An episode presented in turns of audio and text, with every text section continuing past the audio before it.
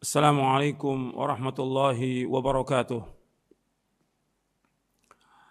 إن الحمد لله نحمده ونستعينه ونستغفره ونعوذ بالله من شرور أنفسنا ومن سيئات أعمالنا. من يهده الله فلا مضل له ومن يضلل فلا هادي له. أشهد أن لا إله إلا الله وحده لا شريك له وأشهد أن محمدا عبده ورسوله. اللهم صل وسلم وبارك على نبينا محمد وعلى آله وصحبه أجمعين kepada kaum muslimin dan muslimat yang mudah-mudahan dirahmati oleh Allah Taala. Alhamdulillah kita bersyukur kepada Allah Subhanahu wa taala atas segala nikmat yang Allah karuniakan kepada kita. Nikmat Islam, nikmat iman, nikmat sehat, nikmat afiat, nikmat dijauhkan oleh Allah dari berbagai macam malapetaka. Kita bersyukur kepada Allah atas semua nikmat. Meskipun keadaan yang ada sekarang ini kita mengalami cobaan, mengalami ujian, kita tetap harus membandingkan antara nikmat Allah yang sekian banyak dengan cobaan dan ujian yang kita alami. Kalau kita bandingkan antara nikmat dengan cobaan ujian, maka yang paling banyak itu adalah nikmat. Nikmat Allah sangat banyak dan tidak akan dapat kita hitung. Apa aja yang kita minta sejak kita kecil selalu dipenuhi oleh Allah Taala. Allah sebutkan dalam surah Ibrahim di ayat 34 wa atakum min kulli ma sa'altumuh wa in ta'uddu ni'matallahi la tuhsuha innal insana la zalumun kafar dan Allah memberikan kepada kalian apa yang kalian minta. Seandainya kalian menghitung nikmat-nikmat Allah kalian tidak akan dapat menghitung nikmat-nikmat itu. Sesungguhnya manusia sangat zalim dan manusia sangat kufur. Allah menyebutkan manusia sangat zalim dan manusia sangat kufur. Zalim karena mereka tidak melaksanakan ibadah kepada Allah dengan sebenarnya. Zalim manusia berbuat syirik kepada Allah. Zalim manusia banyak berbuat dosa dan maksiat. Zalim dia mengambil hak orang lain dan yang lainnya. Dan kufur manusia tidak bersyukur kepada Allah dengan melaksanakan perintah-perintah Allah dan menjauhkan larangannya. Artinya kalau kita bandingkan antara nikmat Allah dengan cobaan, ujian, musibah yang kita alami sekarang ini tetap lebih banyak nikmat Allah. Dan Allah juga menyebutkan dalam ayat yang lain, "Wa ma bikum min ni'matin faminallah." Apa saja nikmat yang kamu peroleh semua datang dari Allah. Apa aja? Kalau kita hitung nikmat Allah nggak bisa kita hitung. Yang ada pada diri kita aja dari nikmat mata, nikmat hidung, nikmat telinga, nikmat mulut, nikmat tangan, nikmat kaki, nikmat hati, nikmat akal, dan yang lainnya. Itu nggak bisa dihitung. Belum lagi nikmat udara. Nikmat kita diberikan oksigen, diberikan makanan, diberikan rezeki oleh Allah. Dan masih banyak lagi.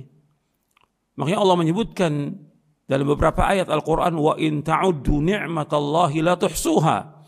Seandainya kamu menghitung nikmat Allah itu, kamu tidak akan dapat menghitung nikmat Allah.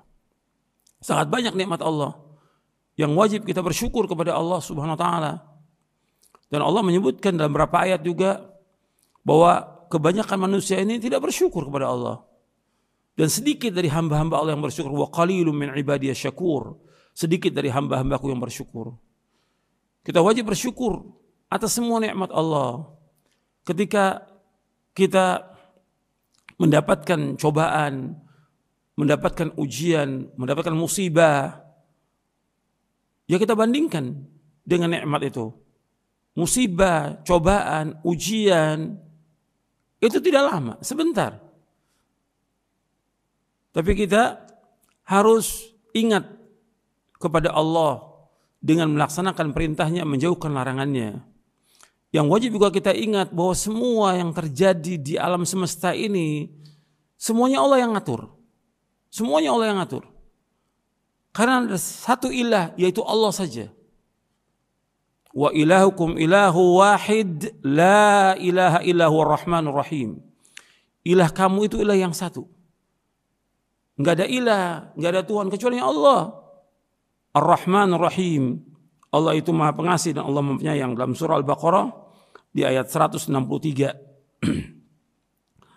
kita wajib meyakini, kita wajib mengimani bahwa apa saja yang terjadi di langit dan di bumi dan di antara keduanya bahkan di seluruh alam semesta semuanya tidak lepas daripada kehendak Allah. Kita wajib meyakini Allah yang menciptakan Allah yang memberikan rezeki, Allah yang memiliki langit dan bumi, Allah yang mengatur alam semesta, Allah yang punya kehendak, Allah yang menghidupkan, Allah yang mematikan, dan seluruhnya seperti itu. Kita wajib mengimani itu. Ini keyakinan ini penting dalam kehidupan ini. Untuk meyakinkan kita bahwa hanya satu ilah yaitu Allah yang berkuasa mutlak. Ketika Allah menurunkan berbagai macam bencana atau musibah, Allah yang mengatur. Karena langit dan bumi ini dan di antara keduanya sorga dan neraka semua milik Allah. Allah berbuat apa yang Allah kehendaki. Fa'alul lima yurid. Allah berbuat apa yang Allah inginkan. Allah berbuat apa yang Allah kehendaki. Kita ini hamba. Sebagai hamba Allah. Kita mengikuti apa yang Allah kehendaki. Itu harus kita ingat itu. Sehingga ketika terjadi seperti ini kita kembalikan semuanya kepada Allah. Allah nggak boleh tanya apa yang Allah perbuat. Seperti Allah berfirman dalam surah Al-Anbiya di ayat 23, la yus'alu amma yaf'al wa hum yus'alun. Allah tidak boleh tanya tentang apa yang Allah perbuat dan mereka akan ditanya oleh Allah. Kita akan ditanya oleh Allah di hari kiamat nanti. Allah tidak akan ditanya. Karena semua perbuatan Allah semuanya baik. Semua perbuatan Allah semuanya adil. Semua perbuatan Allah semuanya hikmah. Semua perbuatan Allah semuanya adalah kasih sayang. Kecuali bagi orang-orang yang membangkang. Orang-orang yang kufur kepada Allah. Orang-orang yang angkuh, orang-orang yang sombong, Allah akan adab mereka. Tapi kita sebagai hamba-hamba Allah, kita sebagai orang yang beriman, ini cobaan, ini ujian. Dengan adanya wabah ini, ini cobaan dan ujian. Allah ingin melihat bagaimana kita. Apakah kita yakin bahwa Allah yang berbuat semuanya? Apakah kita ini mau kembali kepada Allah, bertobat atas semua dosa kita? Karena semua yang terjadi di langit, semua yang terjadi di daratan, di lautan tidak lepas daripada perbuatan manusia. Kita ini banyak dosa. Allah menyebutkan dalam surah Asy-Syura di ayat 30, "Wa ma asabakum min musibatin fabima kasabat aydikum wa ya'fu an katsir." Apa saja musibah yang menimpa kalian dengan sebab dosa-dosa kalian dan Allah banyak memberikan maaf. Artinya semua harus kita ingat bahwa kita ini banyak dosa. Kita banyak dosa. Banyak melarikan kewajiban kewajiban kepada Allah. Kita banyak melanggar syariatnya dan yang lainnya. Makanya kita ingat bahwa dosa dan maksiat yang dilakukan oleh manusia sangat banyak. Makanya kerusakan yang ada di darat dan lautan dengan sebab tangan-tangan manusia dan Allah memberikan hukuman kepada mereka, itu baru sebagian aja. Makanya kita dengan kejadian seperti ini, agar kita meyakini tentang takdir Allah yang baik dan buruk, meyakini Allah yang berkuasa, mutlak semuanya.